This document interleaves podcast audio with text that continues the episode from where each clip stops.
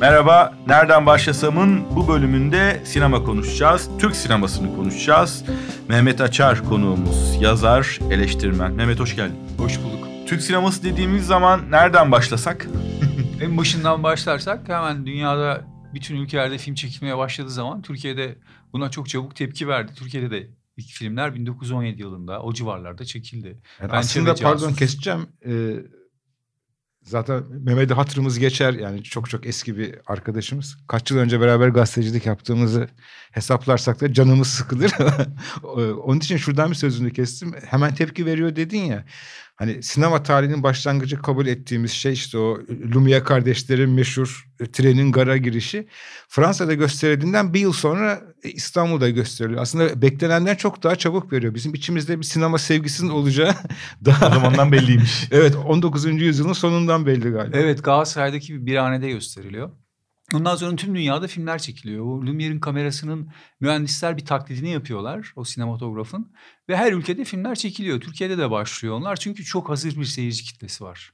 Ve, Zamanı gelmiş bir fikirmiş belli ki yani. Evet evet çok hazır bir seyirci kitlesi var ve o dönem yani 1890'ların ortasından e, 1914'e olan dönem zaten deneysel bir dönem olarak adlandırılır. Sinema dilinin tam yerine oturmadığı bir dönemdir ve ne yazık ki o dönemden çok fazla film kaldığını söyleyemeyiz. Çok az film var. Bunlar da tarihçiler biliyor zaten. E, çok az film var. Biz de o dönem konusunda biraz zayıfız geriye kalan belgeler konusunda. Sadece parçalar var. Sonra ne oluyor? Yani bu deneysel e, çalışmaların ardından onu ne takip ediyor? Ya aslında asıl mesele Amerikalılar hikaye anlatmaya başlıyorlar ve bunu uzun film formatında yapıyorlar. Bir ulusun doğuşu, dönüm noktası odur. David Wark Griffith'in filmi. Fakat ne yazık ki ırkçı bir filmdir o. Bayağı ırkçı bir filmdir. İç savaşa ırkçı bir noktadan bakar. Ama o film tüm dünyada uzun filmin önünü açıyor ve daha ciddiye alınmaya başlanıyor sinema sanatı. Ve özellikle 1917 Ekim devriminden sonra Sovyetler Birliği'nde de çok ciddiye alınıyor. Yani biz bu sinemayla ne yapacağız sorusunun cevabını bulmuş oluyorlar galiba değil mi? Evet Amerikalılar ve Fransızlar endüstriyel olarak bakıyorlar. Para kazanıyorlar. 1917'de Ekim devriminden sonra da Ruslar, Sovyetler ise çok daha farklı bir perspektiften biz bu toplumu nasıl eğitebiliriz?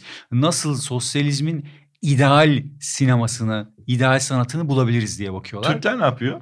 Biz işte o dönemde e, Sovyetler Birliği olan iyi ilişkilerimiz sayesinde aslında biraz oralardan esinleniyoruz. Yani Muhsin Ertuğrul'un gidip orada eğitim alması, e, Sovyetler Birliği'nde eğitim alması ve daha sonra buraya gelip filmler çekmesi var. Muhsin Ertuğrul bir tiyatrocu. O dönemde çok normal bir şey tiyatrocuların sinemacı olması. Aşağı yukarı tüm dünyada görülen bir şey. Edebiyat eleştirmenleri film eleştirmeni haline geliyor. E, tiyatro yönetmenleri film yönetmenleri haline geliyor. Muhsin Ertuğrul da film yönetmeye başlıyor. E, ve sesli çekiyorlar aslında. Yani çünkü o dönemki teknoloji ilk sesli çekimler başlamıştı dünyada 1926 yani 30'lara girmeden sesli teknoloji yerleşmiş. İlk filmler aslında Muhsin Ertuğrul'un da sesli çektiği filmler var. Ama o dönemde e, kamera çok ağır ve gerçekten seyirciye seslenen, seyirciyle direkt kontak kuran bir sinema olduğu da söylenemez. Biraz devlet eliyle geliştirilen bir sinema olduğu söylenebilir. Ama sonuçta Osmanlı'nın son birkaç yılında başlayan Cumhuriyete devreden ve tarihimizde de Muhsin Ertuğrul sineması olarak adlandırılan bir dönemden bahsediyoruz. Üstelik galiba bizim farkımız yalnızca yönetmenin değil oyuncuların da tiyatrodan olması. Yani Darül Bedai'nin tiyatro oyuncu kadrosuyla sinema kadromuz aynı ta ki işte 1940'lara kadar. Yani Muhsin Ertuğrul sinemasının sonrasına gelelim şimdi biraz. Ben filmi hızlı sarayım ki senden dinlemek istediğimiz çok şey var çünkü. Evet onun zaten Nicat Özcan aslında o ayrımı çok güzel koyuyor. Nicat Özen diyor ki sinemacılar dönemi başlar diyor. Şimdi sinemacılar dönemini başlatan film e, birçok film olabilir ama aslında Lütfü Akat'ın kanun namınası özellikle çok önemli bir noktada durur. E, kameranın hareket etmesi, e, daha böyle bir tür filmi, bir suç filminin çekilmesi. 1952 ya da 53. Evet. O yıllarda e, bir tür dönüm noktası gibidir. Ve sadece aslında artık tiyatrocular değil yani sinema yetişen, sinemacı yani yetişen, meslekten yetişen alaylı insanlar vardır. Hala aslında bir sistem okulu Başrolde bile yok. Ayhan Işık o filmde. Evet, evet. Ayhan Tamirci Işık. Nazım. Evet. Ve e, o döneme göre Amerikan sinemasına daha yakın bir film.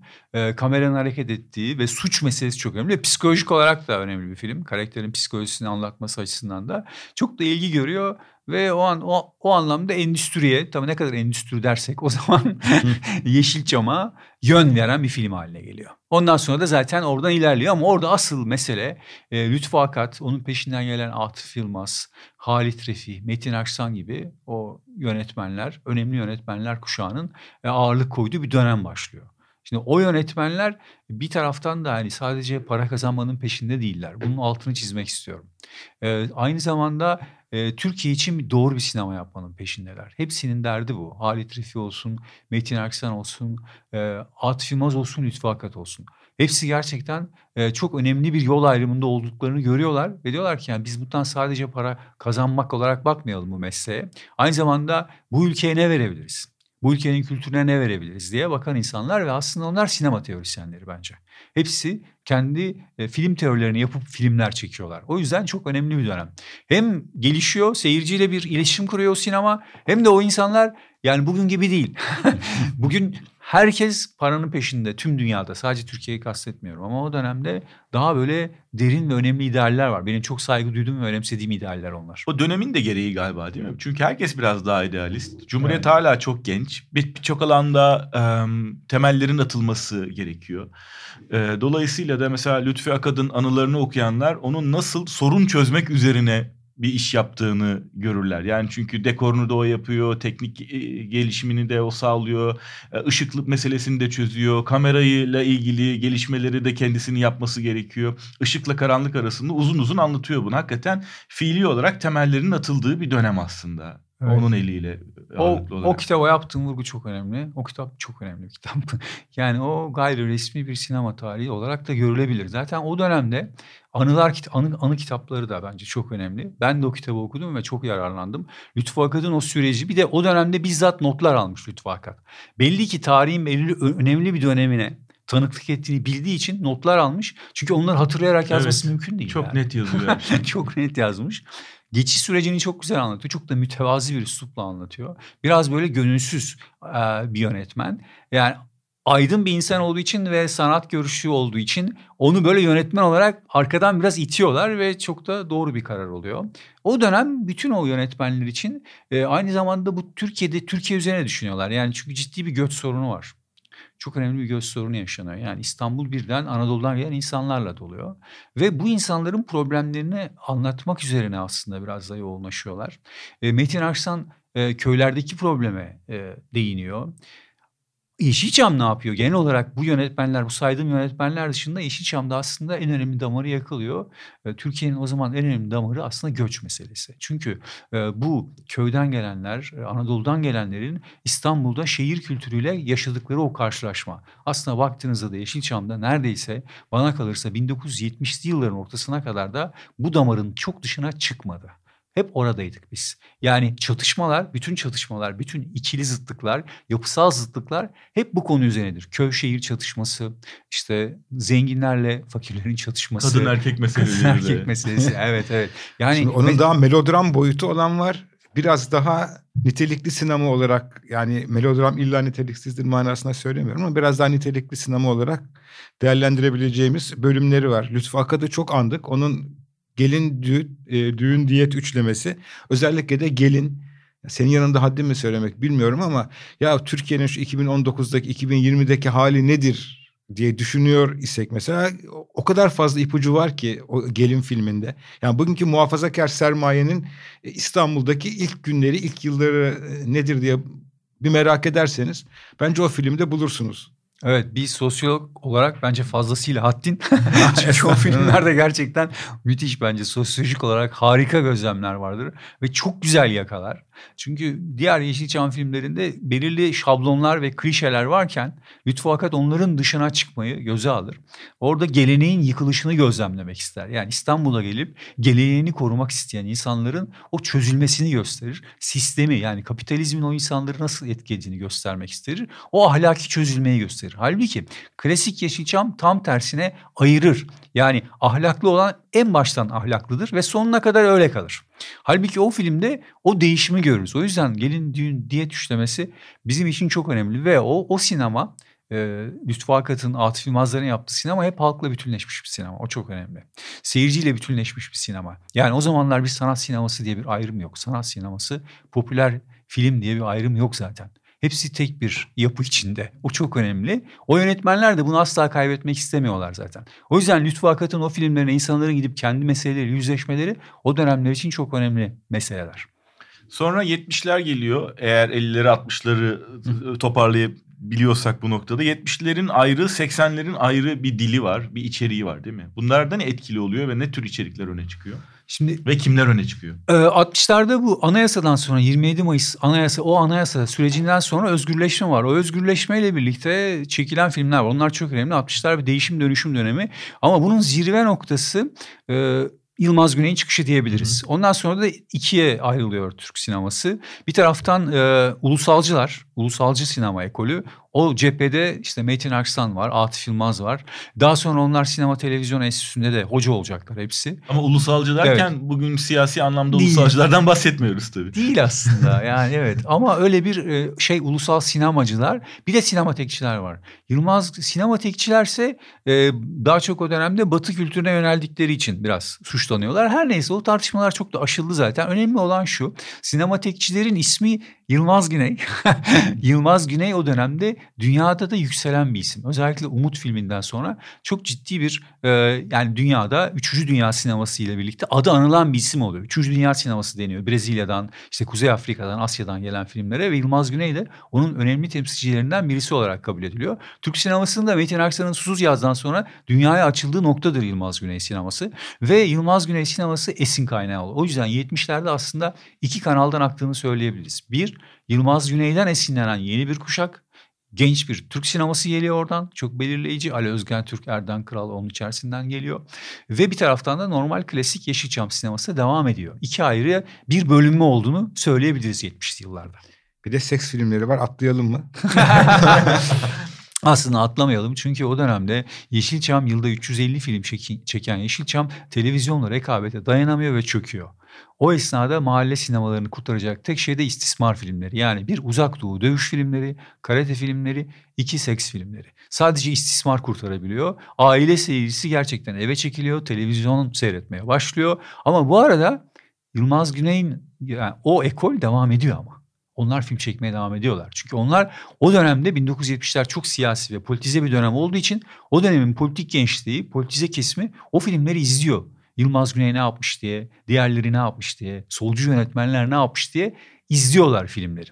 Yani o dönemde bir taraftan seks filmleri var, bir taraftan dövüş filmleri, bir taraftan da siyasi solcu filmler var. Onlar da çok önemli. Sonra 80'lerle birlikte buhranlı filmler geliyor değil mi? Yani sadece dar bir kesime hitap eden ve gene o isimler tarafından çekilen oynanan bir sinema var aslında. Bir damar var yani. Evet şimdi 80 70'lerde o çöken sinemayı nasıl ilerleteceklerini bilmiyorlar ama e, bir şekilde yine de televizyonun veremediklerini verelim diyorlar. O 80'ler deneysel bir dönem aslında. Ve orada Atıf Yılmaz'ın kadın filmleri vardır meşhur. Onun altını çizmek istiyorum. O çok önemli Hı hı. bir şey o. E, çünkü Orada gerçekten e, 12 Eylül birçok şeyi mümkün kılmıyor. Yani birçok senaryo zaten geçmiyor. 12 Eylül'le hiçbir şekilde hesaplaşamıyorsunuz.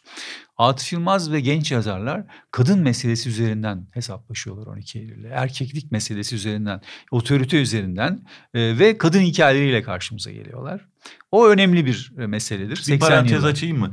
Ee, aslında galiba şöyle oluyor. İktidarla hesaplaşamadığın her dönemde kadınlarla ilgili içerik üretiyorsun. Yani aynı şey medyada da görmüyor muyuz? Yani muhalefet yapamıyorsan kadınların gördüğü şiddeti, istismarı ikinci plana itilmesiyle ilgili haberleri yapıyorsun ve orada bir tür muhalefet yapmış gibi kendini e, rahatlatıyorsun. Aslında içerik de doğru ama başka alanda yapamadığın cevvallikte içeriği orada üretebiliyorsun. Bu anlattığın da bununla örtüşüyor sanki biraz. Evet ama yine de Türk sineması için önemli bir dönem. Şüphesiz. Çünkü öyle Yani bir için yüzleşme. Tabii tabii tabii. Bugüne bir Ha, çengel atmak için Tabii tabii çok doğru. Bugün işin doğru ben o dönem için Türk sineması açısından çok önemli. Çünkü Yeşilçam'ın e, Yeşilçam'da libidosuz kadın tipi vardır. Çok önemli bir şey. Bu yıllarca kırılamadı yani. Bütün ana ana karakterlerin kesinlikle libidosu olamaz. Tek bir kişiye aşık olur ve onunla evlenir. Hayatı boyunca da ona aşık olarak kalır. Erkeğin libidosu vardır, kadının libidosu olamaz. O dönemde e, o filmlerde libidolu bir kadın görebilmemiz e, veya işte Türkan Şoray'ın bir filmde Cihan Ünal'la bir sevişme sahnesi çekmesi devrim niteliğindedir. Veya Mine filminin sonunda onların Cihan Ünal'la birlikte orada erkeklerin arasında yürümesi gururla birlikte. Yani biz bir yasak ilişki kurduk ama gururla aranızda yürüyüp gidiyoruz demek bile o dönemin ahlakına çok ters yani çok ters gelen ve sert tepkilerdir. O dönem için önemlidir. Aslında libidolu görünen kadın bile taklit yapıyordur. Yani kötü kadın e, iyi adamı kandırmak, onun parasını almak, ayırmak için filan sevişmek istemiyordur ama kandırıyordur. Gel canım bilmem ne falan sahneleri vardır ya kötü kadının ay ay ay filan derler işte onlar. Çok güzel bir ekleme oldu. Libido kötü kadınlarda vardır. Tırnak içinde kötü kadınlarda var.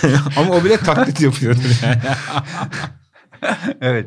E, o dönemde yani 80'lerde işte bunalım filmlerinin başladığı nokta seyircinin koptuğu nokta 80'lerin sonuyla 90'ların başı arasında bir dönem aslında. Çünkü 80'lerde hala video üzerinden hala bir e, yerli sinemanın ulaştığı bir seyirci kitlesi var. Bu bahsettiğim kadın filmleriyle birlikte.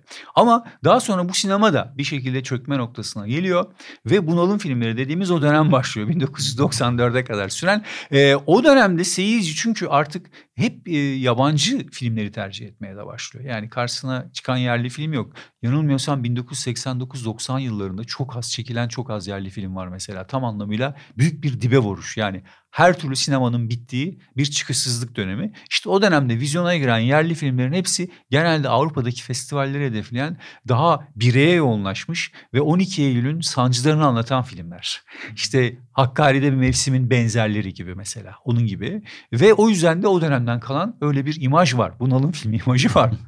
Ama 80'lerde şöyle bir nispeten olumlu gelişme yaşanıyor. En azından belli bir çevrede diye gözlemlemiştim ben. Sen bilmem katılır mısın? O döneme kadar Türkan Şoray filmi, Cüneyt Arkın filmi, Fikret Hakan filmi, Hülya Koçyiğit filmi denen şey Atıf Yılmaz filmi, Ömer Kabur filmi yani filmlerin yönetmenleriyle birlikte anılması sürecine bir nispi geçiş yapıyoruz. Doğru mudur? Evet kesinlikle. Yönetmenlerin adı anılıyor. Artık yönetmenler yıldız oluyor ama işte o sinema 80'lerin sonunda bitiyor. Yürümüyor işte. Yani yürümediği bir dönem var. Bittiği bir dönem var. Ondan sonra işte 90'larda 90'ların ortasından itibaren yeni bir sinema kuruluyor. Yalnız burada şey çok önemli. Yani Türk sineması o döneme kadar 90'ların ortasına kadar hem ses teknikleri hem de görüntü teknikleri arasından çok zayıf ve seyirci artık hani geldiğinde bir yani yabancı filmi tercih ediyor. Çünkü gerçekten orada çok yüksek bir teknik var. Yani her anlamda ses ve görüntü çok başarılı ve yerli filmlere gitmemesinin bir sebebi de bu. 90'larda bunun Mustafa Altıoklar'ın işte filmleri İstanbul Kanatlarımın Altında gibi filmleriyle bir kırılma noktası alırsak o değişimde aslında Batı sinemasının hem tekniğini de almak vardır, anlatım şekillerini de almak vardır. Yani o daha böyle Amerikan dekupajı dediğimiz Amerikan sinemasının ruhuyla çekilmiş bir filmdir İstanbul Kanatlarımın Altında ve çok fazla iş yapınca, çok büyük bir iş yapınca ondan sonra da aslında genç yönetmenlerinde daha çok ilgi alanına girmeye başlıyor sinema. O dönemde bir de Eşkıya'nın da altını çizelim. Eşkıya da müthiş bir seyirci toplayarak müthiş bir potansiyel olduğunu gösteriyor. Yani insanlar tam da artık insanlar Türk filmi seyretmez, yerli filmi seyretmez dediği bir dönemde e, Eşkıya ile birlikte başlayan o dönem yani çok fazla seyirci, yabancı filmlerin toplayamadığı kadar seyirci toplaması bir anlamda Türk sinemasında yeniden ayağa kalktığı dönem olarak alınabilir. Reklam sektörüyle sinemanın etkileşimi var değil mi bu dönemde ve sonrasında? Evet kesinlikle var. Yavuz Turgul da zaten reklamdan gelen bir yönetmen.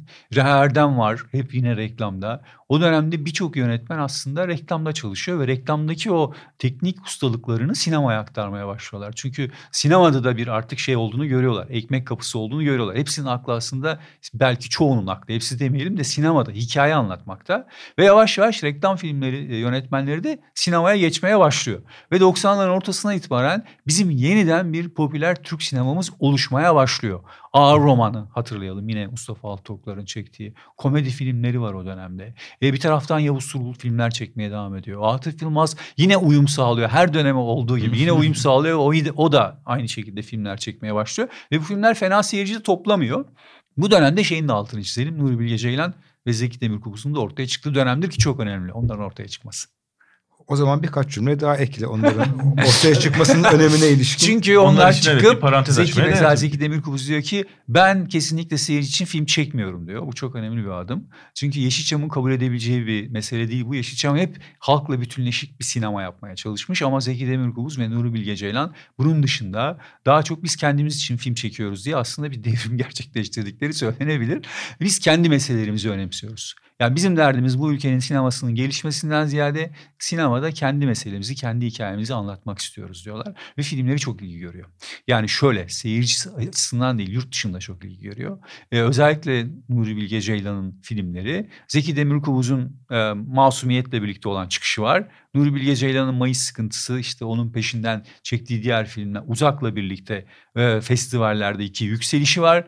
Ve onları izleyen yeni bir kuşak yönetmenler var.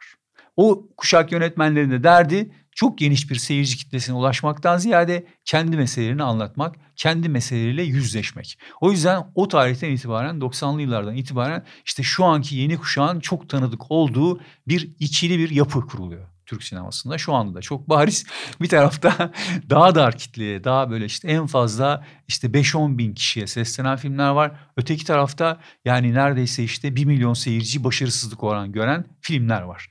E şu anki manzara biraz 90'ların ortasında ortaya çıkıyor. Biz hala o süreci yaşıyoruz. Neredeyse işte e, kaç yıl olmuş o kadar. O, o dönemden beri aynı sürecin içindeyiz. E, ticari olarak da sektörel olarak da izleyici açısından da sağlıklı bir yapıymış gibi görünüyor şu anlattığın, çizdiğin tablo. Doğru mu? Evet bence dünyada da aşağı yukarı böyle zaten. Amerika'da da böyle bir bağımsız sinema var. Ee, daha çok işin e, sanat tarafını önemseyen ve geniş bir kitleye ulaşmaktansa sadece harcadığı parayı çıkarmaya çalışan yönetmenler var. Bir de tamamen endüstriyel olarak bakan yönetmenler var. Türkiye'de de durum aşağı yukarı aynı. Fakat Ama işte o ilk grubun izleyici sayısı 5 bin 10 bin düzeyinde değil hiç değilse 50 bin 50 100 bin bin düzeyinde olsa. olsa e, biraz daha tablo parlak olacak. İşte bizim en önemli sorunumuz orada ama onu aşan e, bir Nuri Bilge Ceylan oldu. Orada da kış uykusu yanılmıyorsam şu ana kadar yani 300 bin barajına en çok yaklaşan sanat filmimiz oldu. Ben sanat filmi ibaresini sevmem tırnak içinde kullanıyorum. Çünkü bilet kesilen her film ticari filmdir bence. O yüzden sanat filmi ama bir etiket olarak yani bir kullanışlı bir kelime. E, 300 bine ulaştı yaklaşık olarak. Mesela bu rakam e, Fransa'da, New York'ta, Londra'da öyle ülkelerde biraz daha fazla olabiliyor. Ama bizde şöyle bir dengesizlik var. Nuri Bilge Ceylan ulaştığı rakamların yanına yaklaşamıyor bile diğer yönetmenlerimiz. Ee, bir kelebekler var o böyle 100 bine biraz yaklaştı galiba. Ee, en önemli başarılardan bir tanesi Tolga Karaçelik. Eğer o filmler aslında ilgi görse biraz da benim bu Türk sinemasının orta direği, orta sahası dediğim bölge. Yani daha böyle hikaye anlatan, daha sağlam filmler daha çok seyirci toplasa o zaman her şey çok daha güzel olacak. İşte onun için herhalde biraz e, yurt dışı desteği mi gerekiyor? Yani Nuri Bilge Ceylan'ın diğerlerinin ulaşamadığı rakamlara ulaşması zannedersem yurt dışında gördüğü ilgiden de beslenen bir şey. Ya adam bu kadar ödül alıyor işte Fransa'da şöyle beğenilmiş Almanya'da böyle beğenilmiş bir gidip bakalım deniyor. Evet bu Nuri Bilge Ceylan'ın başına geliyor. Bir de bütün e, gidebileceği, görebileceği yerlerde yani bu AVM sinemaları dediğimiz sinemalarda karşısına çıkıyor. Yani metro hattındaki sinemalara da onların hepsinde eğer Nuri Bilge Ceylan filmi varsa gidebiliyor. Şimdi bazı filmler gerçekten o dağıtım ağında da istedikleri yerlere ulaşamıyorlar. Eskiden Beyoğlu merkezdi. Şimdi böyle bir şey kalmadı.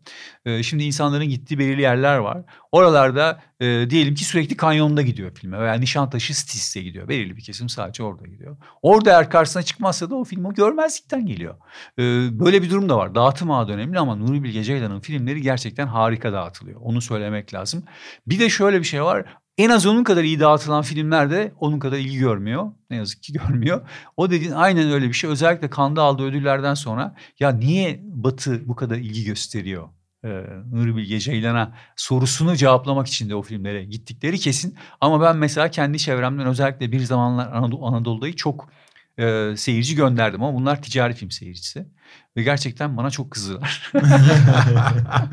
Çünkü karşılarına çok başka bir yapı çıktı.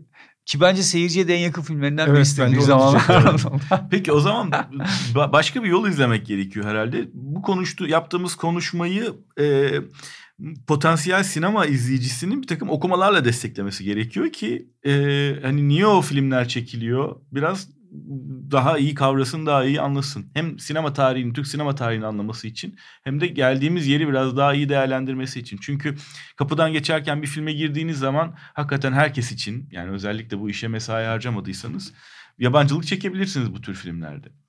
Ee, ne yapmak gerekiyor Türk sinemasını daha iyi anlamak için? Okumak gerekiyor. Yani bu film sadece film seyretmekle olacak bir iş değil. Okumayla desteklemek gerekiyor.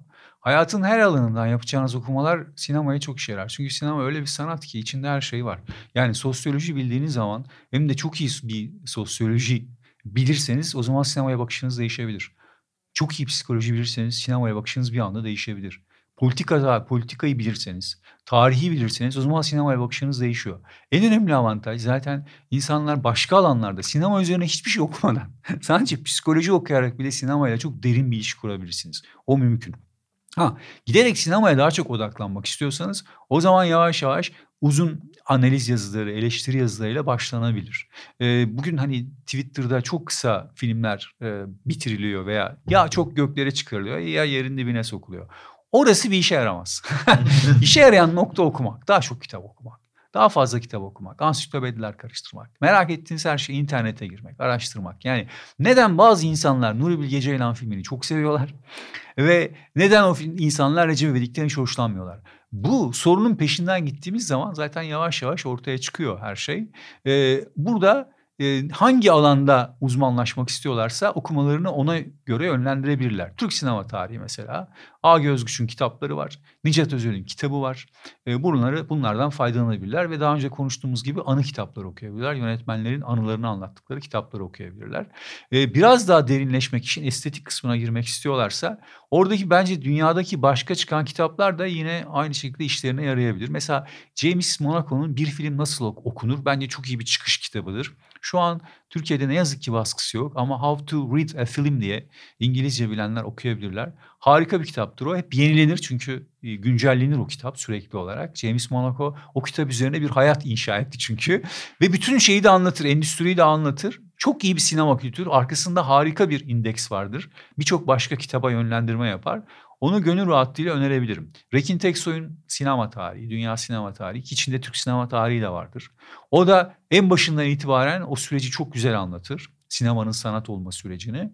Ee, bunlar önerilebilir. Ve zaten sinema ile ilgili de çok kitap var.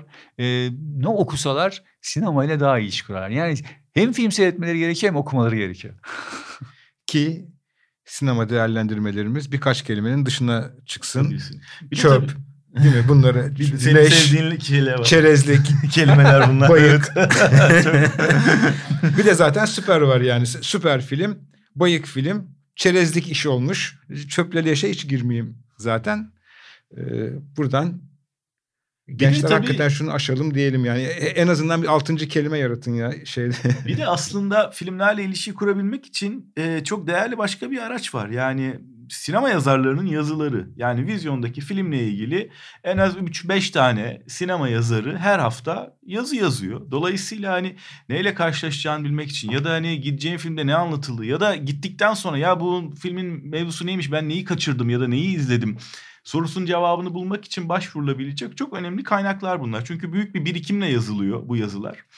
Ee, ve e, filmle e, izleyici arasında da önemli bir bağ oluşturabiliyor. Bu bile bir şey, bu bile bir eğitim aslına bakarsan. Evet kesinlikle. Sistemli yaparsan, sistemli okursan. Yani Google'daki ilk 3 sayfadan mesela kurtulabilirsek çok güzel akademik yazılar da var. PDF'ler de bulunabilir.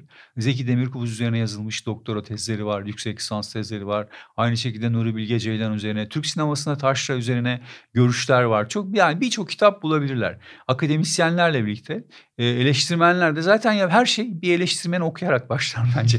Benim için öyle başlamıştı. Çünkü bir bakıyorsun yani senin görüşün dışında başka bir başka bir görüş var. Bakış başka açısı bir, var. Başka bakış açısı var. Ve oradan merak etmeye başlıyorsun. Giderek e, oradan giriyorsun. Orada özgüven e, çok böyle ben filmi beğendim beğenmedim deme noktasında özgüven çok işe yaramaz. İnsanın kendi fikirlerinden sürekli şüphe etmesi gerekiyor. ben bu filmi niye beğeniyorum veya niye beğenmiyorum? Çünkü bir filmi kapatmak, çok sevdiğimiz bir filmi neden kapatalım? Açalım kafamızı, arkadaşımızla konuşalım, kendimiz daha çok düşünelim. O bizi başka yerlere yönlendirsin. Mesele orada bir filmi beğenip beğenmemek değil. Asıl mesele o filmi daha derinden anlamak. O zaman çünkü dünyamız da çok zenginleşiyor. Ben şuna inanıyorum. Edebiyat ve sinema hani hakikaten bir insanın kişisel gelişimine de çok önemlidir. Yani kişisel gelişim kitabı kadar roman okumak ve film seyretmek gerekiyor bence. Mehmet'in bir cümlesinin altını bir daha çizelim, tekrarlayayım. Bazen insanın kendi fikirlerinden şüphe etmesi gerekiyor. Yani her şey bu kadar net değil, şüphesiz. bu arada bitirmek üzereyiz. Kronolojik gittik. Bazı girmediğimiz dönemler, isimler falan var. Onları da niye girmediniz diye düşünenler hatta alınanlar çıkabilir. Çok sevip sahiplendikleri için. Kemal Sunal, Arzu Film filmleri özellikle 70'lerin ikinci yarısında çekilenler. 80'lerin sonundaki bu e, Ahu Tuğbalı, Serpil Çakmaklı'lı e, illaki yat sahnesi olan filan bir filmler dönemi var. Bunları atladık ama sevmediğimiz anlamına gelmiyor. Özellikle e, Kemal Sunal'lı filmler, Arzu Film ekolü olarak bildiğimiz ekolün ürünleri küstürmeyelim dinleyiciyi de onun için. Evet. Evet onlar şu dönemde zaten çok seviliyor ve seyrediliyorlar. Ama o dönemler iç- içinden bakıldığında o zaman eleştirmenler o filmleri çok önemsemezlerdi aslında. Ama şimdi o filmler çok başka bir şeye tekabül ediyorlar. Hem o toplumu anlatıyorlar bize hem o insanları anlatıyorlar. Ve farklı bir iletişim kuruyoruz o, o dönemle. Bir tür Yani- altın çağı diye bakıyoruz galiba Evet. değil mi? Yani Evet. Türkiye'nin e, altın çağı. E, o da bu, bugünden şikayetçi olmakla ilgili bir şey ama her toplumda var o bir yandan. da. İşte o iyiliği arıyoruz. Oradaki naifliği arıyoruz. O iyi insanları arıyoruz. O iyi insanları özlüyoruz. Fakat aslında e, Kemal Sunal da e, işte onun hakkında 70'li yıllardaki değerlendirmeler, 80'li yıllardaki değerlendirmeler haksızmış. Şimdi anlıyoruz. Bugünkü gibi değildi. Şunun için bunu söyleme ihtiyacı hissediyorum. Bugün çok küçümsenen, dışlanan, beğenilmeyen figürler bundan 15-20 yıl sonra nostalji malzemesi, asıl sinema o zamanmış, ne kadar temiz sinemaymış diye anılabilir. Bunun payını da her zaman bırakmak lazım. Evet Yani- çok doğru ama o dönemde yine her şeye rağmen Kemal Sunal çok iyi filmler çekmişti. Onun altını çizmek istiyorum. Kesin. Ertem Eğilmez de yine de o dönemde Hababam sınıfı dahil olmak üzere onun sineması eleştirmenlerin her zaman radarındaydı. Onu da söylemek istiyorum. Can bu söylediğin şey hangi filmler özelinde karşımıza çıkacak bir an endişelenmeye başladım. yani Recep İvedik gerçekten çağını çok iyi yansıtan bir filmmiş ve büyük sanatsal derinliği varmış diye bir yorumla 20 yıl sonra karşılaşırsam Ben onun müzik versiyonu olarak Demet Akalın'ı düşünürüm hep. Sanat o zamanmış Demet Akalınlar vermiş dendiği gün inşallah hayatta olmayacağım diye umuyorum ama ama yani bir yandan 90'lar popunun bugün bu kadar çok yüceltildiğini ve abi asıl müzik o zamanmış dendiğini ve döne döne bugün dinlendiğini düşünecek olursak pekala olabilir aslında bu dedik. aslında insanın biz şimdi konu unuttuk kendimiz sohbete geçtik ama Yok güzel e, konu. insanın durduğu yerden kendi bakışı da değişiyor. Yani benim de 90'lar popuyla dinleyici olarak kurduğum ilişki yazı yazma konuşma bağlamında değil de bugün daha farklı gerçekten fena demiş bu şarkılar Bir, o zaman dediklerimin sayısı bir, arttı. Bir sinemacıdan bir alıntıyla bu dönem bu, bu, bu sözü şey yapayım katkıda bulunayım. Cem Yılmaz. 90'lar popu bu kadar yü- yüceltildiği sırada şey demişti. Abi yapmayın hepimiz oradaydık. diyordu. Ee, yani 2010'lar içinde bu lafı biz söyleyecek miyiz bilmiyorum ama. Evet ama. Recep İvedik bence bu dönemin toplumunu anlamak için çok ileride 20 yıl sonra 30 yıl sonra sosyologların ilgi alanına girebilir belgesel bence. niteliği taşıyabilir Evet. belki.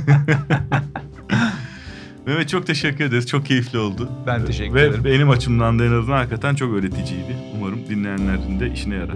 Mehmet'ten her zaman öğreniyoruz. Teşekkür ederim.